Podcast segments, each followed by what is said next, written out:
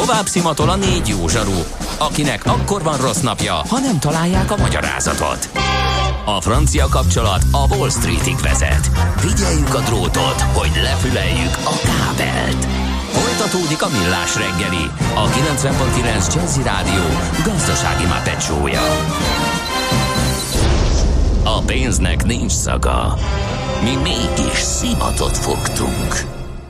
Jó reggelt, szép napot kívánunk ismét a hallgatóságnak, megy tovább a Millás reggeli itt a 90.9 Jazzin, május 4-én hétfő reggel negyed 10 után 2 perccel. A házi karantén stúdiójából Mihálovics András jelentkezik. A Benti Jazzy Rádió stúdiójából pedig Gede Balázs köszönti a hallgatókat 0 30 20 10 9 0 9 SMS, WhatsApp, Viber szám, ez áll a rendelkezésre Balást faggathatjátok, nyaggathatjátok bármiféle információval, például majd közlekedéssel, vagy egyéb óhaj, sóhajjal, panasszal. Igen, jött is egy kérdés, például jött több, de ez egy érdekes, hogy hogy, hogy, hogy, hát a Teslára vonatkozóan, most nem találom hogy a három csatornából, de itt van. Sziasztok, nem értem a Teslát, a Várkonyi Gábor mondta, hogy egy elektromos autó kb. 35% alkatrészt tartalmaz a többi autóhoz, a Tesla méreg drágán adja az autóit, akkor meg hogyan lehet veszteséges Zsolt? Hát úgyhogy ez nem ennyire egyszerű, hogy összerakunk, tehát az csak a marzs, ugye, tehát egy magas nyereségszint van egy autón, de azt nem mind lehet zsebre gyűrni. Hát egyelőre óriási beruházásoknak kell megtérülnie, ugye a Teslánál. Rengeteg embert foglalkoztat, fejlesztés, stb. Tehát azért az nem ennyire egyszerű. Egyébként már a harmadik nyereséges negyed évén van túl, tehát átfordult már, ahogy azt Kababik Józsival is beszéltük. De hát az nem megy elsőre azért, mert magas áréssel rendelkező terméket gyárt valaki.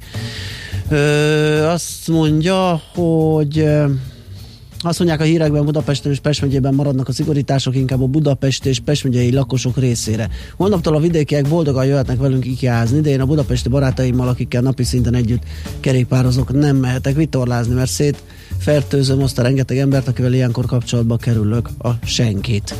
Panaszkodik egy kedves hallgató és uh, valaki pont most írja, hogy May the Force be with you, boldog csillagok háborúja napot, igen, erről megemlékeztünk az adás elején. Most viszont... Ugye, ugye, aki nem hallgat a kezdetektől bennünket? Bizony, az lemarad. Az lemarad, az érettséginek szóló drukkolásunkról épp úgy, mint erről a május 4-i May the Force napról.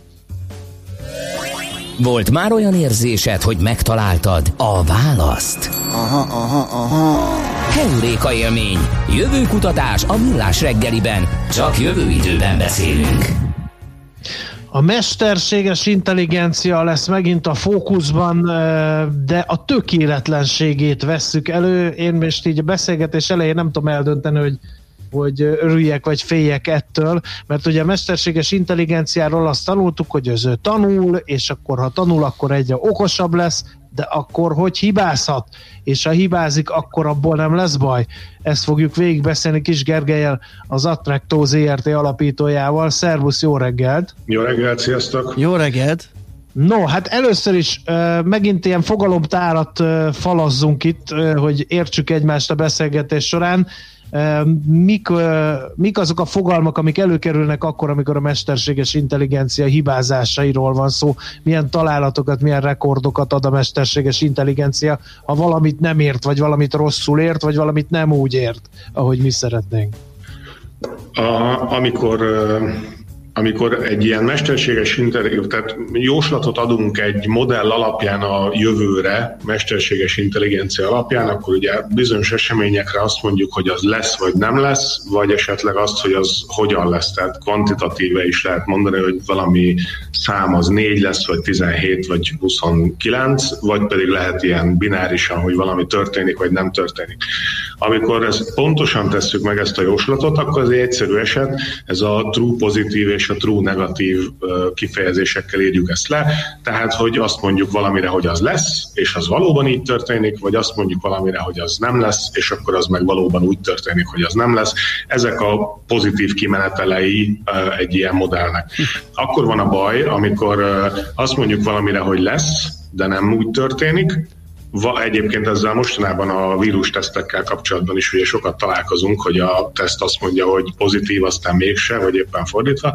És a, ez a false pozitív, amikor azt mondjuk valamire, hogy bekövetkezik, de valójában nem, és a false negatív az meg, amikor azt mondjuk, hogy valami nem történik meg, de valójában pedig igen. Tehát ezek a hiba ágak, amikor, amikor ezek bekövetkeznek. És milyen, milyen, milyennek a háttere, tehát hogy hogyan hibázhat a, a modell, vagy az algoritmus.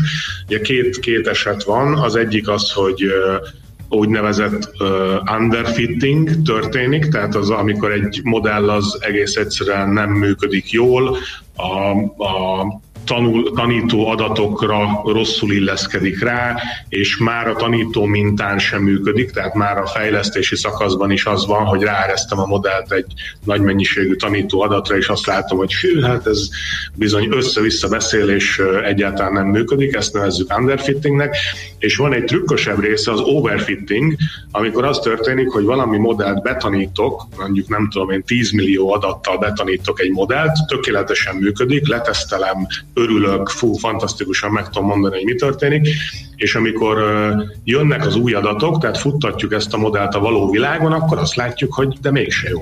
Tehát a tanítási szakaszban úgy tűnik, hogy minden rendben van, de amikor igazából próbálom ki, akkor azt látom, hogy hát ez bizony itt nem jó, és ugye tipikusan egy ilyen overfitting az akkor történik meg, amikor, amikor túltanítom a modellemet, tehát megtanítom neki a, a zajt is a zajt is úgy gondolja, hogy az nem zaj, hanem valóság, és amikor a jövőben zaj következik be, akkor azt is ő megpróbálja mindenképpen belemagyarázni a létező világba, és nem veszi észre, hogy az bizony zaj. Hú, ez nagyon érdekes, amit mondasz. A mm, tőzsdei területen, például az ilyen kereskedő algoritmusoknál ez egy eléggé sokszor és jellemzően felbukkanó hiba, hogy a teszteken egy csomó rekordon tök jól működik, az alapján megalkotja ezt az algoritmus most az illető ráereszti, oda tartja a gyerekfürdetőkádat alá, hogy az majd megtelik pénzzel és folyamatosan termel neki, majd a valós adatokkal elkezdi nem azt csinálni, sőt, mint több óriási bukókat halmoz, és le kell állítani a működését. Tehát akkor ez, ez lehet az oka. Aha, nagyon Így jó. van, illetve a tőzsdei kereskedésnél ez még nem szorosan tartozik ide, de egy másik ilyen nagyon gyakran elkövetett hiba, hogy a hogy a modellek azok jól működnek látszólag a backtesteken, csak azokban a modellekben a keres, a spreadeket, meg a slippage meg a, uh-huh. meg a tranzakciós eh, költségeket nem számolják. És akkor ez egy ilyen tök gyakori, ezt, ezt, ezzel tényleg gyakran találkozom, hogy hú, minden jó, keressük a pénzt meg ezért, de hát sajnos elfelejtettük beletáplálni Aha. azt, hogy minden egyes kereskedésnek van valami költsége, és amint ezt az elemet beleveszem az algoritmusba, akkor egyből szétesik és negatív az eredmény. Uh-huh.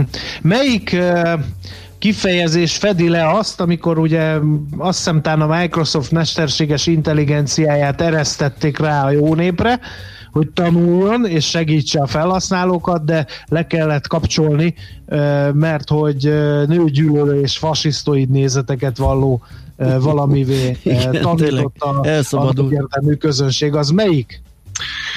Igen, hú, ez nagyon érdekes, mert igazából az egyik sem. Tehát, hogy én, én azt gondolom, hogy a, ebben az esetben jól működött a modell, és ö, sajnos az emberekben megtalálható biaszt, vagy ilyen, ilyen azt, amit nem szeretünk saját magunkban, de létezik, azt is megtanulta a modell. Tehát uh-huh. azokban az esetekben, amikor vannak olyan modellek, akik, akik ugye rendőrség ilyen használ olyan, olyan modelleket, hogy megpróbálja megmondani, hogy ki a bűnöző, meg ki a nem bűnöző, és ezekben az esetekben, hogyha betanítjuk, nem tudom én, amerikai adatokon 50 évre visszamenőleg, akkor a színes bőrű emberekre sokkal inkább fogja azt mondani, hogy bűnöző, mert a historikus adatok ezt mutatják. Vagy amikor az Amazonnak a recruitment ilyen, amikor felvesszük az Igen. embereket, az a modellje, sokkal inkább a férfiakat részesíti előnyben a nőkkel szemben, de ez nem azért van, mert hibázik az algoritmus, hanem mert gyarlók vagyunk, mint emberek, és mi magunk tanítjuk meg a mesterséges intelligenciának azokat a nem jó dolgokat, amikről uh-huh. mi is mhm. tudjuk, hogy nem jó, de hát Istenem, ilyenek vagyunk. Uh-huh. Oké, okay, beszéljünk akkor ilyen, hát hogy is mondjam, félrement esetekről, mert abból talán elég sokat lehet tanulni. Igen. Vannak ezek között nagyon, nagyon sokféle eset van. Tehát a technológia az, az folyamatosan fejlődik, tökéletes sosem lesz, de ez igazából az ember sem tökéletes sosem. Mondjuk az önvezető autóknál Szerintem egy önvezető autó ma már sokkal jobban vezet autót, mint egy ember, de sosem lesz teljesen tökéletes, és ugye pont ez a problémának a lényege. Úgyhogy mindig lesznek ilyen esetek. Vannak olyan esetek, amik nagyobb visszhangot kapnak, vagy azért, mert nagyon viccesek, vagy pont már nagyon félelmetesek. Nekem az egyik kedvencem ebből a, ebből a gyűjteményből a viccesek közül, hogy a, van az Amazonnak az Alexa nevű hangfelismerő rendszere, ami szuper intelligens, és egy csomó mindent lehet neki mondani, hogy mit csináljon, ilyen zenét játszol le, olyan háztartási terméket rendeljen, és Amerikában volt egy aranyos kislány, aki azt mondta az Alexának, hogy úgy szeretnék egy babaházat. És úgy volt beállítva az Alexa, hogy nem kért ilyen másodlagos visszaigazolást, hanem csak úgy simán megrendelte a babaházat otthon, 170 dollárról gyönyörű szép babaházat kapott a kislány, és amikor ez ebből lett egy ilyen újságcikk, meg sajtó, egy újságírónak ez nagyon megtetszett ez az eset, és csinált belőle egy rádióműsort. És a rádióműsorban bemondta, hogy képzeljétek el, hogy a kislány azt mondta az Alexának, hogy kedves Alexa, rendelj nekem babaházat. És amikor bemondta ezt a rádiós műsorvezető, akkor a világban szerte szét egy csomó Alexa bekapcsolt, és nagy örömmel megrendelte a babaházat. A Főleg a babaház örömé, gyártó örömére gondolom, igen. igen, igen ki, mert, kedves Alexa, légy szíves, rendelj nekünk több aranyat most, minél nagyobb mennyiségben a szállítási címről Gede kollégánál érdeklődj. Köszönjük. Igen, igen, tehát hogyha így van beállítva, és nem figyelünk, akkor, akkor ugye broadcastban bemondta, hogy rendelj nekem babaházat, az, az, az Alexa pont ugyanúgy triggerelt rá, mint a kislánynál, és akkor rendelt egy csomó babaházat. Ez egy ilyen vicces eset, amikor nem egészen úgy működtek a dolgok, ahogy kellett volna. No, uh, beszéljünk egy közepesen vicces esetről. Hát, Mert hogy igen, vannak ilyen... aztán, ahogy így nézegetem az erről szóló szakirodalmat, vannak egyáltalán nem vicces, sőt ijesztő esetek is, úgyhogy afelé haladjunk szépen lassan. Igen, igen. Ugye az, hogy kinek mi a vicces, az, az, az mindenféle kulturális meghatározottságtól is függ. Tehát mondjuk vannak olyan, vagy voltak olyan esetek, amikor például arcfelismerő rendszerek, ami ugye most már egyre nagyobb számban működik a, a világban, és mondjuk nyugati arcokon feltanított arcfelismerő rendszerek. Volt egy ázsiai ember, akit szegényt rendszeresen nem engedett be az ajtó valahova, mert mindig azt mondta, hogy be van csukva a szeme. De nem volt becsukva szegénynek a szeme, csak olyan volt a szerkezete, hogy a ugye szűk szemrés miatt azt gondolta az AI, hogy neki be van csukva a szeme, és ezért nem engedte be. Rosszul működött, a, a, vagy, vagy lehet, hogy jól működött, csak rossz mintákkal tanították fel ezt az arcfelismerő modellt. Vagy amit mhm. az előbb említettél például szintén ilyen Hát vicces vagy nem vicces eset, amikor a Microsoftnak ez a Tay nevű Twitter botja megtanulta ugye az embereknek a, a reakcióit, és akkor egy alapvetően kedvesnek indult Twitter bot az egy nap alatt benácult és nőgyűlölővé vált, mert ezt, ezt kapta a, a felhasználóktól, és erre tanult rá, itt ez mondjuk egy tudatos, tudatos hekkelése volt a rendszernek, tehát egy csomóan rámentek arra, hogy direkt erre tanítsák be, meg itt még egy olyan is van, hogy a, lehetett neki azt mondani, hogy kedves té, mondd azt, hogy, és akkor idézőjelek között, és akkor kimondattak vele dolgokat, amiket nem is feltétlenül intelligenciából tanult fel, hanem csak egész egyszerűen elismételte. Ebből lehetett jó újságírót inni, hogy kedves Twitter, vagy kedves té, mondd azt, hogy nem tudom én, Hitler pozitív figura volt, és akkor mivel ez volt az utasítás, ő ezt mondta, aztán ezt jól ki lehetett screenshotolni és megjeleníteni, hogy micsoda, micsoda hülye ez a tej. De uh-huh. amikor nem figyelünk eléggé oda, akkor azért bele lehet futni olyan ágakba, amiket a tervezők nem úgy terveztek. Uh-huh. Vagy mondjuk, Jó. amikor a Boston Dynamics-nek a robotja, amitől egyébként én úgy félek, mint a tűztől, megnéztek a Twitteren egy pár videót, hogy a Boston Dynamics az hova jutott az elmúlt öt évben Bizony. robotokkal, tényleg nagyon-nagyon félelmetes. Tehát az, hú. az igazi felvétel, amikor célba lő, és elég durva a találati aránya? Nem, nem, nem, nem, nem. Az, ha, ha, ha egyre gondolunk, akkor az pont igazi, és, és az, az kicsit kifigurázza a dolgot, de mondjuk azok igaziak, amikor azt látod, hogy öt évvel ezelőtt végig végig tud menni egy csíkon, mit tudom én, egy perc alatt, és akkor ilyen kicsit billeg, meg olyan kis szerencsétlen formája van. Ma meg gyakorlatilag egy tetszőleges akadálypályán, amit nem tudom, milyen nagy magas dobozokból építenek, úgy fut végig, mint a nyúl. Mm egy, egy, egy robot. Tehát őrületes, hogy hogy tanul, és ugye most eltelt öt év, képzeld, a következő öt évben én szerintem, Aha. hogyha meg lehetett tanulni a béna billegésből odáig, hogy hihetetlen agilitással szalad végig különböző pályákon, ajtókat nyit ki, meg nem tudom mi, akkor onnantól kezdve, hogy kezel egy eszközt, ami mondjuk lehet akár egy fegyver is, az nem, szerintem nem áll távol logikailag. Ez az ugyanaz, Igen. csak a finom motoros mozgásnak egy még finomabb megvalósítása. Beszéljünk a nagyon nem vicces esetekről. Itt gondolom előhozakodhat találkozhatunk a, a kínaiaknak az arcfelismerő rendszerével, aminek a bevezetésével már az amerikaiak is kacérkodnak ráadásul. Hát bizony, most itt ez, a, ez az egész ilyen válság, amit megélünk, ez elég sok ilyen, ilyen dolgot hozott fel, hogy akkor az emberek azok a, a vajon a mozgásuknak a követését például rábíznák egy ilyen rendszerre, és tök sokan rábízzák Európában is. Ezzel az arcfelismerő rendszerrel ez, ez is elég, elég félelmetes kapukat nyitogat meg. Tehát olyan, olyan példákat már hallottunk, amikor egy tízezer fős koncerttömeg közepéből kiemeltek valakit, aki bűnöző volt, mert az arcfelismerő felismerte az embert. Ennek a, a false pozitív ága, amit ugye az elején mondtunk, az az, amikor olyan valakit emelnek ki, aki nem is az. Tehát azonosít valakit a rendszer, de valójában az nem ő, hanem valaki más. És egyébként a, ezzel a, hogy mennyire azonosíthatók vagyunk akár a vizuális információk alapján, itt azért Kína már ott tart, hogy hátulról is csukjában felismer téged, vagy engem, vagy bárkit, kamerával, de nem kell az arcod hozzá, mert a mozgásod az épp úgy jellemez téged, mint az arcod.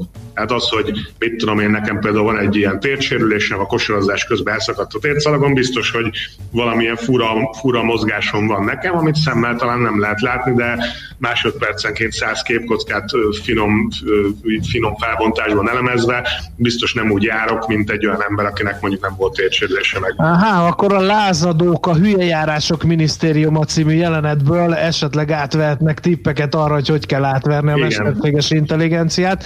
Én pedig gladiátor sisakba fogok közlekedni hülyejárással, azt szúrja ki, ha tudja.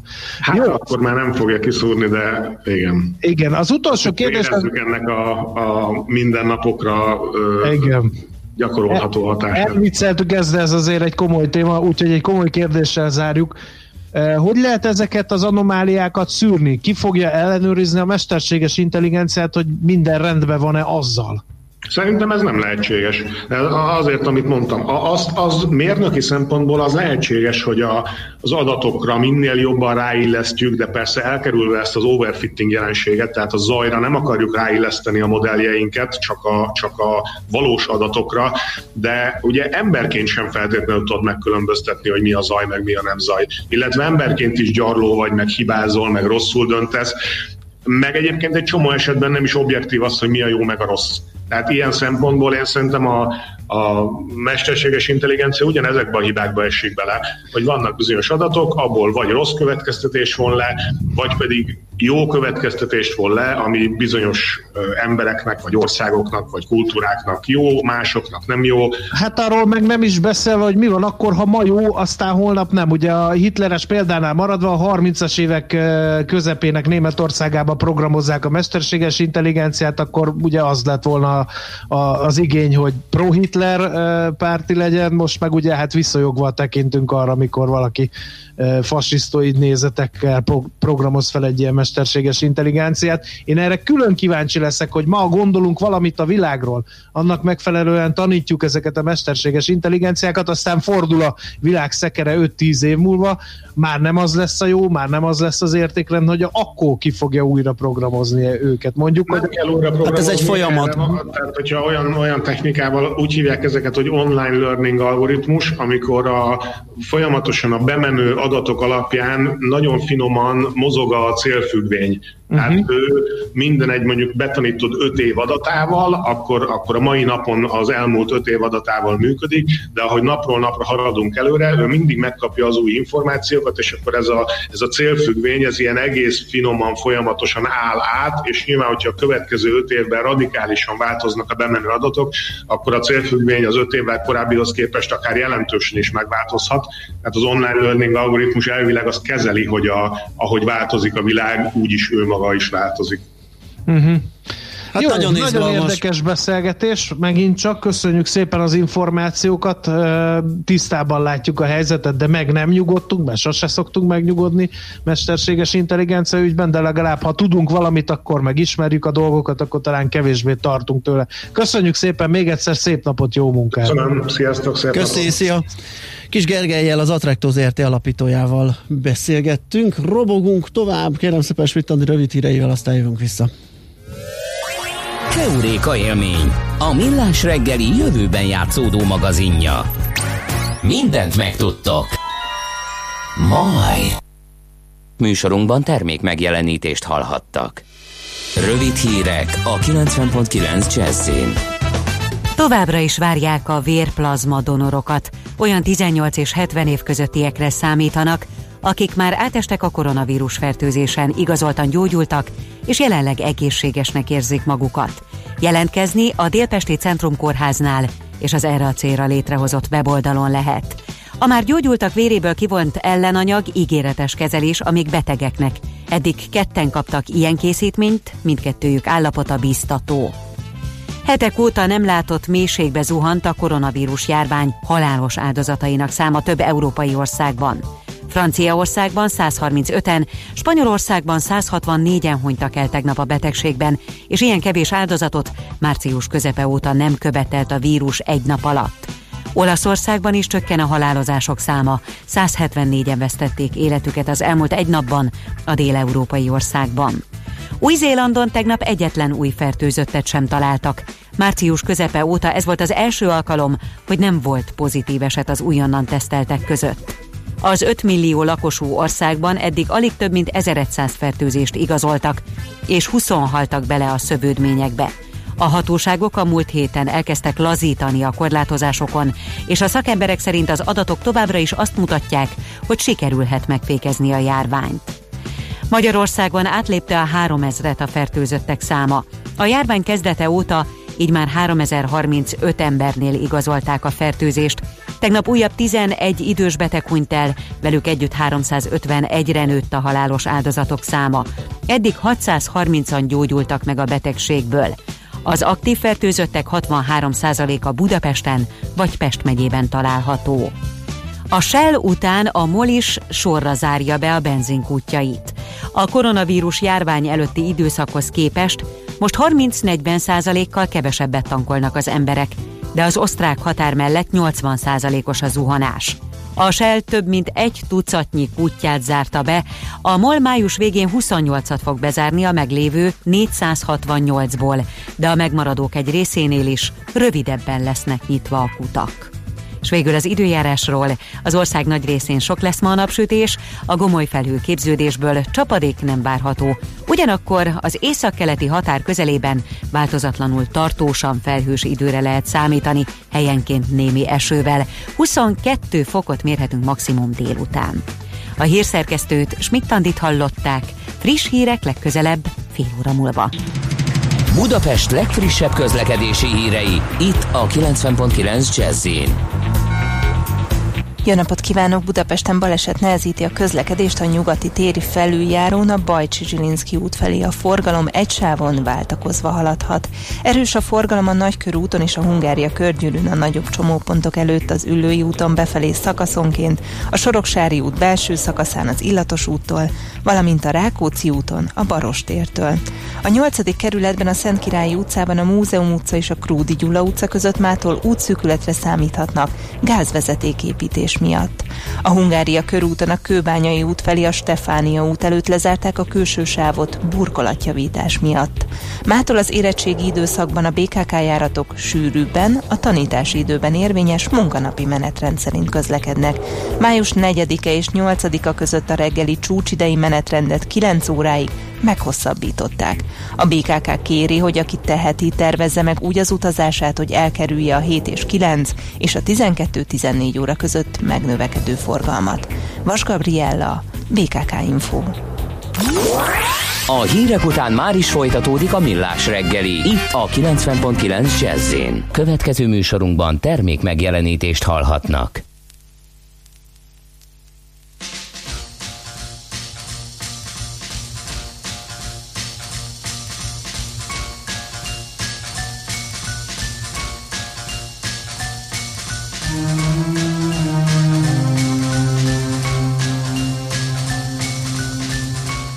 Life is hard, and so am I.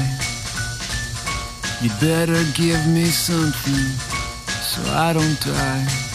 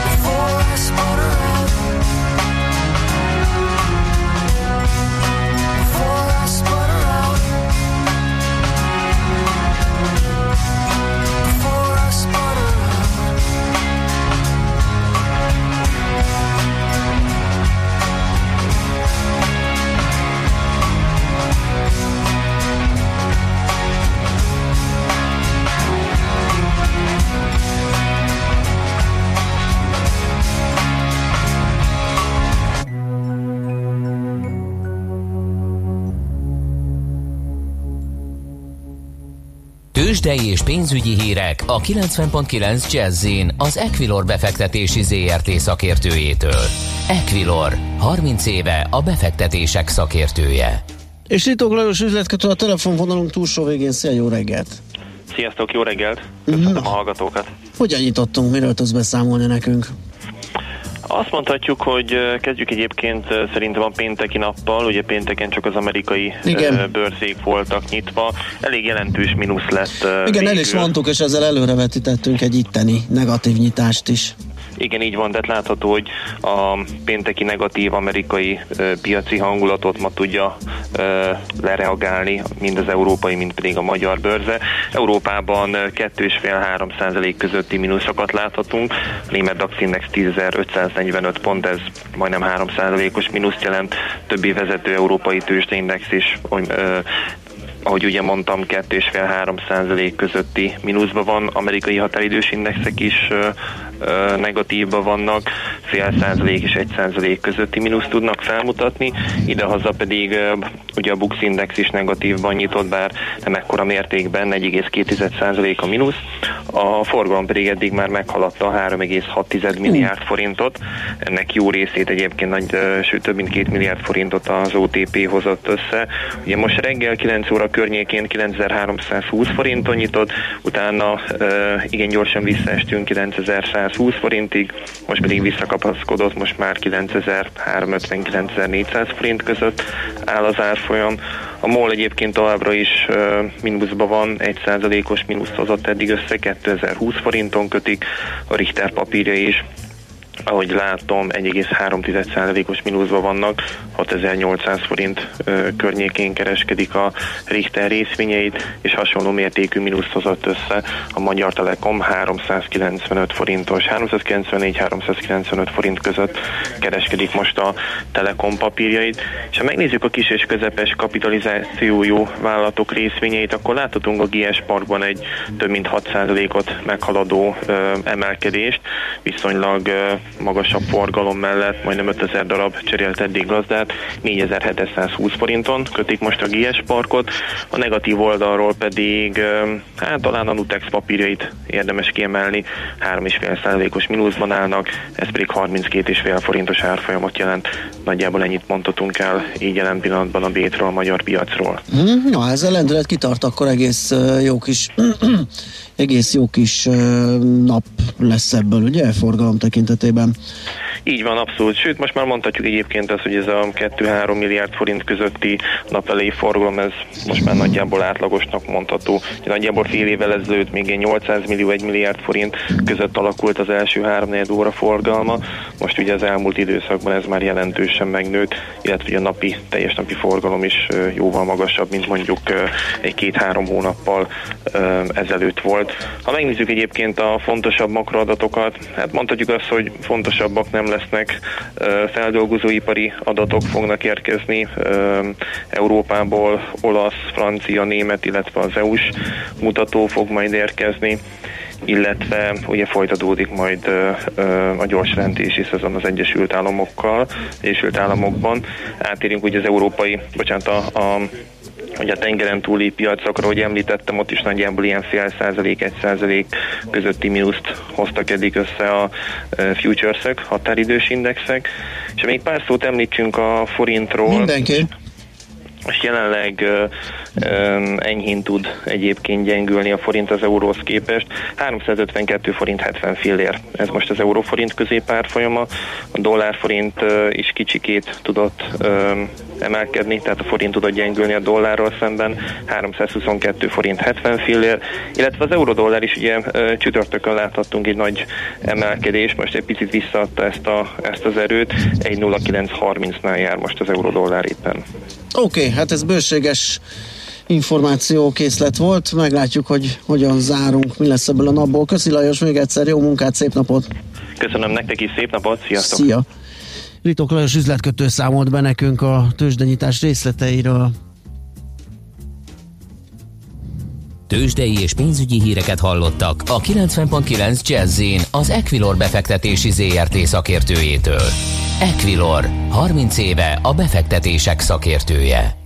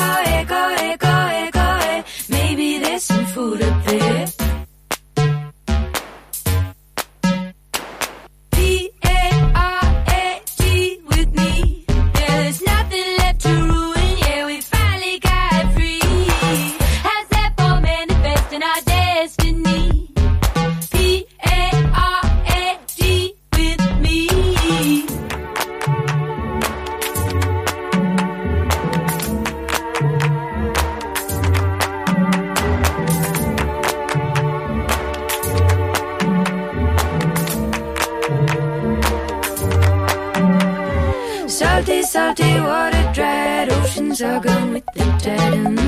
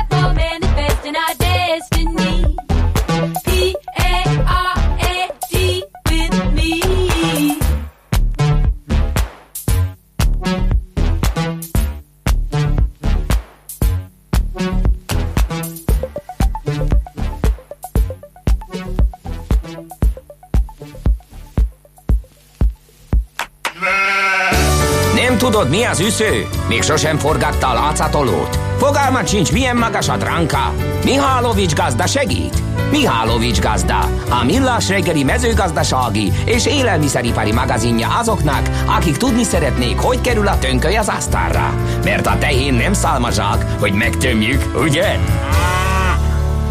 Szeretnénk nagyon pontosan fogalmazni, mert többen be- voltak abban benne, hogy most a hétvégén péntektől vasárnapig nyitva lehettek a virágboltok. Ez egész pontosan valahogy úgy zajlott, hogy a Magyar Díszkertészek szakmaközi szervezetek kérésére, az Agrárkamara kezdeményezésére a kormány döntött úgy, hogy ez a hétvégi nyitvatartás megvalósul. És akkor innen indulunk. Hát bizony, ha anyák napja, akkor virág, de ugye a dísznövények dísznövény kertészek házatájáról nem jöttek jó hírek, ugye a válság őket is elég komolyan megrázta, de vajon segítette az anyák napja, vagy azóta valami más történt ami segítette a helyzetükön? Ez, erről fogunk beszélni dr. Orlóci Lászlóval, a Magyar Díszkertészek szakmaközi szervezetének elnökével. Jó reggelt kívánunk! Jó reggelt kívánok! Jó reggelt!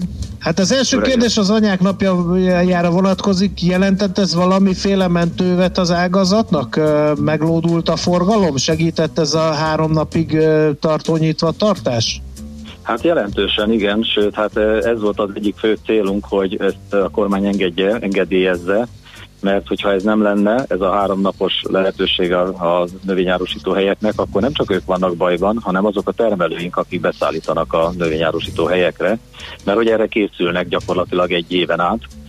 Ez az a fő szezon, ez a tavaszi szezon, ami a virág és a palánta eladásának a csúcsa, és hogyha ez a, ez a lehetőség kimarad, akkor sajnos a leginkább sújtott ágazatunkban a leginkább sújtott rész az a vágott virágtermesztők, akik tényleg, tényleg nagyon rossz állapotba kerültek, mert a névnapok, a ballagás és egyebek miatt, csoportosulások, rendezvények, esküvők, egyebek elmaradása miatt ugye ők, ők nem tudták eladni a termékeiket, vagy csak nagyon-nagyon kis mértékben. Ha ez is elcsúszik, akkor gyakorlatilag az idei tavaszi szezon az nekik úgymond kuka, tehát hogy nem is tudják realizálni a bevételeiket. Tehát így nagyon jelentősen számított az, és most már rendelkezem az első, hogy mondjam, előzetes adatokkal az elmúlt anyáknapi időszakról, és azt kell, hogy mondjam, hogy mind a nagykereskedelmi, eh, tehát a virágboltok beszerzései, mind a virágbolti és árudai forgalom alapján, tehát nagyon jól sikerült ez a lehetőség, nagyon-nagyon sokat használt az ágazatnak. Az is segített esetleg, hogy ugye nem csak a kereslet a rendezvények miatt, nem csak a kereslet esett vissza, de talán az import is, tehát ö, több hazai ö. Az import, igen, az egy kettő, két oldalú dolog volt. Az egyik ugye az egyik az, hogy hát egy ideig akadozott az áruellátás és a szállítmányozás. Uh-huh. Ez is okozhatott ilyet, de a másik pedig az, hogy a kereskedők is kevésbé mertek bevállalni rendeléseket, és Mhm. ezért nem rendeltek árut. Ennek egyébként van olyan szegmense, ahol ez látszik is, tehát például a, a, a, a virág és a palánta piacon volt némi hiány bizonyos termékekből, ezért már nem érkeztek be, de ez viszont jótékonyan hatott a hazai termelőkre, uh-huh. és ez volt a fő célja a kormánynak, hogy a hazai termelőt helyzetbe hozza, mert az munkahelyet teremt, és attól azt meg kell mindenképpen őrizni. És így a magyar termelő terméke jobban gazdára lelhetett, illetve hát voltak olyan termelőink, akik gyakorlatilag az árukészletük nagyját ki tudták így árusítani, tehát olyan nagy kár nem érte őket, mint amilyenre számítottunk az első nagy elkeseredésben. Uh-huh. Itt tulajdonképpen a veszélyt az jelentette, hogy nem fog senki virágot venni, mert mindenki bezár, kertészetek, virágboltok, mindenki? Tehát ez, ez, okoz, ez okozta ezt a fenyegető helyzetet? Igen, nagyon érdekes volt a válság első néhány napja. Ugye nálunk ez a fekete péntek, vagy szoktam mondani, péntek 13-a, április 13 péntek volt az, amikor elindult ez az egész nagyon alaposan úgy, hogy a, gyakorlatilag a virágpiacon nem volt forgalom, ami ilyen még a fennállása óta nem történt.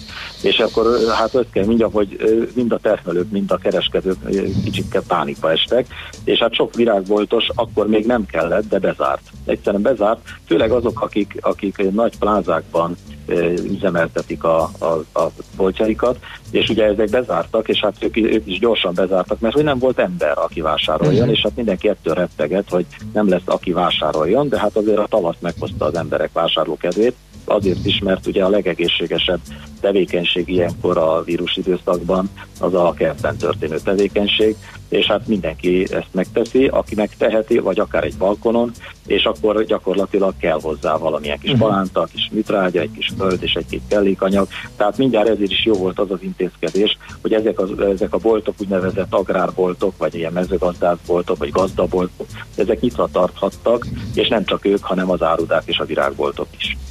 Uh-huh. Egyébként a magyar dísznövénykertészeknek milyen hadállásaik vannak, mert azt lehet mondani, hogy vannak olyan termékek, például a rózsa, amiben gyakorlatilag labdába se lehet rugni az olcsó kenyai, ha én jól értesültem, kenyai termékek mellett. Hol vannak erős hadállások, és mi az, ahonnan kénytelen kelletlen kivonultak a magyar dísznövénykertészek?